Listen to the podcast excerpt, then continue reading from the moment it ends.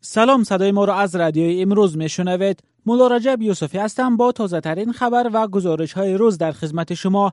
امروز 15 اکتبر و ساعت در دوشنبه 8 کمیسیون مرکزی انتخابات تاجیکستان روز 14 اکتبر نتیجه های نهایی انتخابات پرزیدنتی را اعلان کرد و امام علی رحمان را دیگر بار رئیس جمهوری انتخاب شده حسابید. بنا به قرار کمیسیون مرکزی انتخابات در معرکه روز 11 اکتبر بیش از 4 میلیون و 238 هزار نفر اشتراک کرده. زیاد از 90 درصد آنها از امام علی رحمان پشتیبانی کردند. با این حال های انتخابات گروه را ناراضی گذاشت چون به باور آنها انتخابات با تقلب آلوده بود و به رقابت واقع گذشت.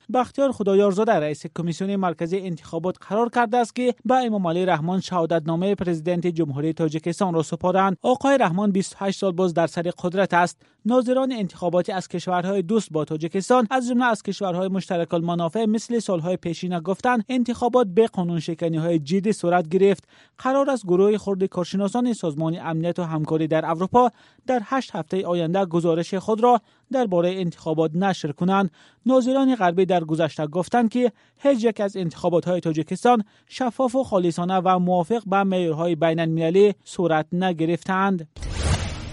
وکیلان پارلمان قرقیزستان روز 14 اکتبر در جلسه غیر نوبتی در قرارگاه الو ارچه نامزده صادر جپارو را به مقام نخست وزیر قرقیزستان تصدیق کردند. آنها همچنین با نامزده معاون نوید نخست وزیر موافقت نمودند. ارتم نوویکوف معاون اول نخست وزیر مقصد ممیتکانوف و عیده اسماعیل و معاونان نخست وزیر تصدیق شدند سیاستمدار تاجیک روشن صابروف معاون دیگر نخست وزیر قرقیزستان تعیین شده است. او رئیس جمعیت تاجیکان قرقیزستان است و در گذشته در منصب وزیر رشد اجتماعی کار کرده است. این در حالی است که روز گذشته پرزیدنت ساران بای جینبکوف گفت با قرار گروه وکیلان مجلس در زمینه تعیین جپاروف سابق زندانی و محکوم شده برای آدمروایی به مقام نخست وزیری راضی نمی شود وزارت مدافع افغانستان گفت در پی سقوط دو چرخبال نظامی با مشکل فنی در هلمند نه سرنشینی آن جان باختند وزارت در یک اظهاراتش روز 14 اکتبر گفت چرخبال های ساخت شوروی نوی می 17 زمانی که در ناحیه نوا می‌خواستند از زمین بلند شوند به زمین سرازیر شدند. تمام ففتیده ها خلبان ها و سربازان بودند. در چند روز گذشته جنگجویان قسمت های مختلف ولایت هلمند از جمله مرکز مامور شهری لشکرگاه را مورد حمله قرار دادند. روز 12 اکتبر نظامیان آمریکایی گفتند با نشان پشتیبانی از نیروهای مسلح افغانستان به هدفهای طالبان چند حمله موشکی انجام دادند مقامات افغانستان گفتند که در پی درگیری های اخیر تخمینا 5000 خانواده های ساکنان محلی مجبور شدند که به مکان های امن پناه برند. و سازمان امریکایی Freedom House یا خانه آزادی در گزارش نوش می‌گوید سال دهم است که آزادی های اینترنتی محدود می شوند به گفته سازمان حکومت ها در سراسر جهان پندمی کرونا ویروس را بهانه آورده نظارت آنلاینی سرکوب دیگراندیشان و وسیله های نوی نظارت فنی از بالای جامعه را پرزور می کنند گزارش با نام آزادی در شبکه های سازمان واقع در واشنگتن که 14 اکتبر نشر شد می‌گوید مقامات در دهها کشورها با بهانه کووید 19 قدرت افزاینده نظارت را تقویت می‌دهند. گزارش می‌گوید در نتیجه از 65 کشور مورد تحقیق در 26 تاش وضع آزادی های اینترنتی بد شده. در 22 تاش بالاروی نشاندادها مشاهده شده است. تاجیکستان در این گزارش تحقیق نشده است. نشر دیدگاه های مختلف و متضاد 174 FM همسر حکمت الله سیف الله زاده عضو زندانی حزب فعالیتش در تاجیکستان ممنوع نهضت اسلامی از وضع سلامتی شوهرش نگران است. همسر سیف زاده گفت شوهرش پس از گرفتاری به کرونا ویروس در زندان حالی خوب ندارد و خانواده نیز بنابر تنگ دستی نمی‌توانند به او کمک کنند. مسئولین زندان ها گفتند که سلامتی سیف زاده خوب است و هیچ جای نگرانی وجود ندارد. تفصیلات بیشتر را در گزارش سروینازی روح الله میشنوید حکمت الله سیف زاده سخنگو و مسئول هفتهنامه حزبی نجات буд ва соли 2015 зиндонӣ шуд. Фароғат сангинова ҳамсари ҳикматулло сайфуллозода рӯзи 13 октябр гуфт. Он кас аз ҳамин дарди дил фишорбаландӣ азияташ деистодаанд. То ҳозира фақат бо дору гашта истодаанд фақат доруҳои дил чхеле ки ба шумо маълум аст ҳамаш э, э, гаронтарин аст. Сангинова гуфт барои доруҳои шавҳараш дар як моҳ дусад сомонӣ ва барои табобати ӯ дар ҳар се моҳ ҳудуди якуним ҳазор сомонӣ лозим аст ки надорад. Мансурҷон умаров сардори раёсати иҷрои ҷазои ҷиноятӣ рӯзи 13 октябр дар як суҳбати телефонӣ гуфт вазъи сиҳатии сайфуллозода хуб аст вале ӯ ҳамзамон афзуд баъзе доруҳо мо мехарем барои ин аз тарафи ҳукумат ба мо маблағ ҷудо шудагӣ ҳаст лекин не ҳама доруҳоро мо дорем ба ҳамин хотир баъзе хешу табор волидайни ҳамин маҳбусон худашон таслиф мекунанд умаров инчунин гуфт агар воқеан хонаводаи сайфуллозода имкони харидани доруҳои ӯро надоранд онҳо омодаанд то ҳадди тавон ба ӯ маводи доруворӣ кӯмак кунанд. Мақомоти ҳикматулло сайфуллозодаи ҳафтодсоларо дар доираи парвандаҳои марбут ба ҳаводиси моҳи сентябри соли 2015 боздошт ва баъдан 16 сол равонаи зиндон карданд. Фароғат сангинова ҳамсари сайфуллозода инчунин борҳо иддао кардааст ки то ҳол наметавонад бо шавҳараш дидорбинӣ кунад. Баъди ҳашт моҳ як маротиба аз ҳамон даруни зиндон бо ҳамон телефони муассиса ҳамроҳи мо ҳамсӯҳбат шуданд. Баъди вай ҳозир акун дар як ҳафта як маротиба ҳамсӯҳбат мешаванд фақат як минут гап мезананд аммо мансурҷон умаров мегӯяд на танҳо хонаводаи ӯ балки дидорбинии тамоми маҳбусон бо хешу таборашон муваққатан манъ шудааст умаров гуфт. Ҳозирам ҳамиш амал мекунад. Тавоз бинем масъалаи ҳамон кӯтоҳмуддаша мумкин ҳал кунем дар рӯзои наздик.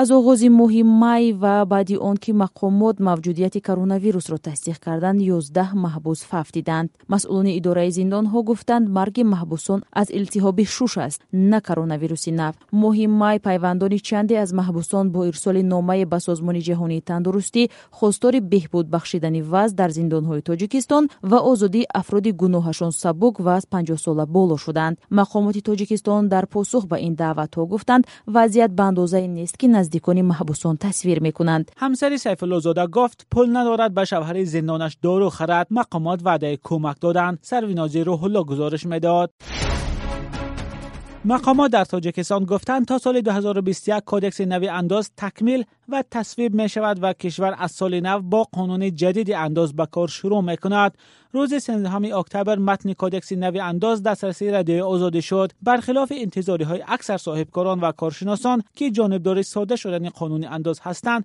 طرح قانون نوی انداز از همتای کنونی خود فر بهتر است. تفصیلات بیشتر را در گزارش عبدالله اشوروف شنوید. قرار بود کودکس نوی انداز از ماه سپتامبر به اجرا درآید اما پاندمی کرونا ویروس به نقشه مقامات خلل وارد کرد و آن را به تاخیر انداخته است. ولی وضعیتی که بیماری و ضرورت سبکی ها برای زنده نگاه داشتن اقتصاد به میان آورد ظاهرا به طرح نو تاثیری اندکی داشته است. زوق بیگ شادیان رهبری ریاستی سیاست انداز وزارت مالیه و اعضای کمیسیا اوید به تهیه کدکس نوی انداز تاجیکستان که در نزد این وزارت تاسیس یافته است روز 13 سپتامبر در صحبت گفت متن کدکس نو تهیه شده است و در حال تکمیل شوی می باشد. شادیان گفت معلومات دارد یک مرتبه با مشخص وزارت اداره ها تکلیفشون دادن. حالا الان تکمیل گفته شده است. و دیگر پیشنهاد میشه در تکمیل است. با گفته شادیان تا آخر سال جاری کدکس نو انداز قبول شده. کشور از سال نو با کدکس نو به کار شروع می‌کند. متن کدکس نو انداز روند اندازبندی را ساده تر نکرده است. اما با این وجود نوهای انداز عمومی دولتی از 11 عدد کنونی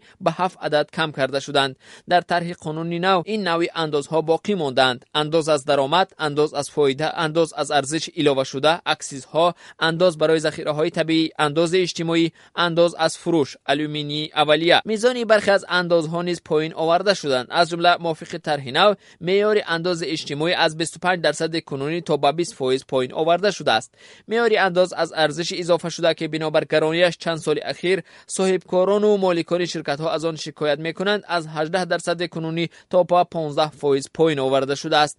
در طرح نو تدریجا پایین بردنی انداز از ارزش دعوا شده در نظر است. حکیم رسولوف صاحب کاری سابقه دار که عین زمان مشاور چند شرکت است می‌گوید اگر معیار انداز این بار هم به صاحب کاران سبوکی نآورد تاجیکستان شانسی بزرگ اصلاحات حیاتن مهم را از دست می‌دهد و گفته همصحبتان آگاه رادیو آزاده سازمان های بین‌المللی از طرح نوی کادکس انداز جانبداری می‌کنند و از جمله بانک جهانی گفته است در صورت قبول شدن کادکس نو به تاجیکستان تا 50 میلیون دلار سرمایه می می‌دهد زوقبک شادیان سردار ریاست سیاست انداز وزارت مالیه تاجیکستان. در این رابطه گفت در ماموری باید دستگیری و آینده برای شدن اما شادیان گفت هنوز حجم و شکلی کمک معلوم نیست. کودکس اندازه که حالا عمل می‌کند سال 2013 قبول شده 6 سال این جانب کاربست می شود و بنابر سرباری گرانش روی صاحبکاران موردی تنقید قرار دارد. کودکس انداز با بعض سبوکی ها ولی به تغییر بنیادی غفستر می شود عبدالله اشورف درباره کودکس انداز گزارش می‌داد. صحیفه ما رو در یوتیوب با نام آزادی ویدیو مشاهده کنید. آزادی ویدیو نمای از واقعیت های روز است. شما خبر و گزارش های رادیوی آزادی را روی موج 174 FM در پیشنهادی من مولا رجب یوسفی شنیدید. خبر و ویدیوهای نو را از تاجیکستان و جهان در وبسایت رادیوی آزادی بخوانید و تماشا کنید. رادیوی آزادی در امروز 174 FM